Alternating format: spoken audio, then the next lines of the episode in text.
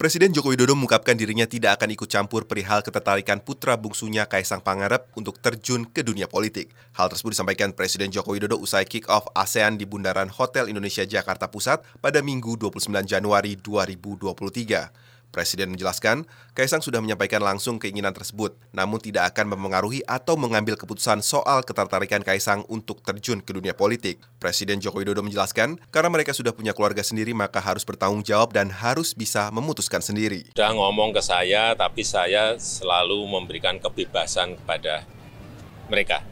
Saya nggak mempengaruhi, saya tidak memutuskan karena mereka sudah punya keluarga sendiri, harus bertanggung jawab harus uh, bisa memutuskan sendiri dan saya nggak akan ikut-ikut ya. Sebelumnya Wali Kota Solo Gibran Raka Buming Raka mengungkapkan bahwa adik bungsunya Kaisang Pangarep tertarik terjun ke dunia politik. Diungkapkan Gibran, keinginan itu disampaikan Kaisang saat makan bersama keluarga besar di kediaman Presiden Joko Widodo di Solo Senin 23 Januari 2023. Hal tersebut sempat membuat ayahnya yakni Presiden Joko Widodo terkejut.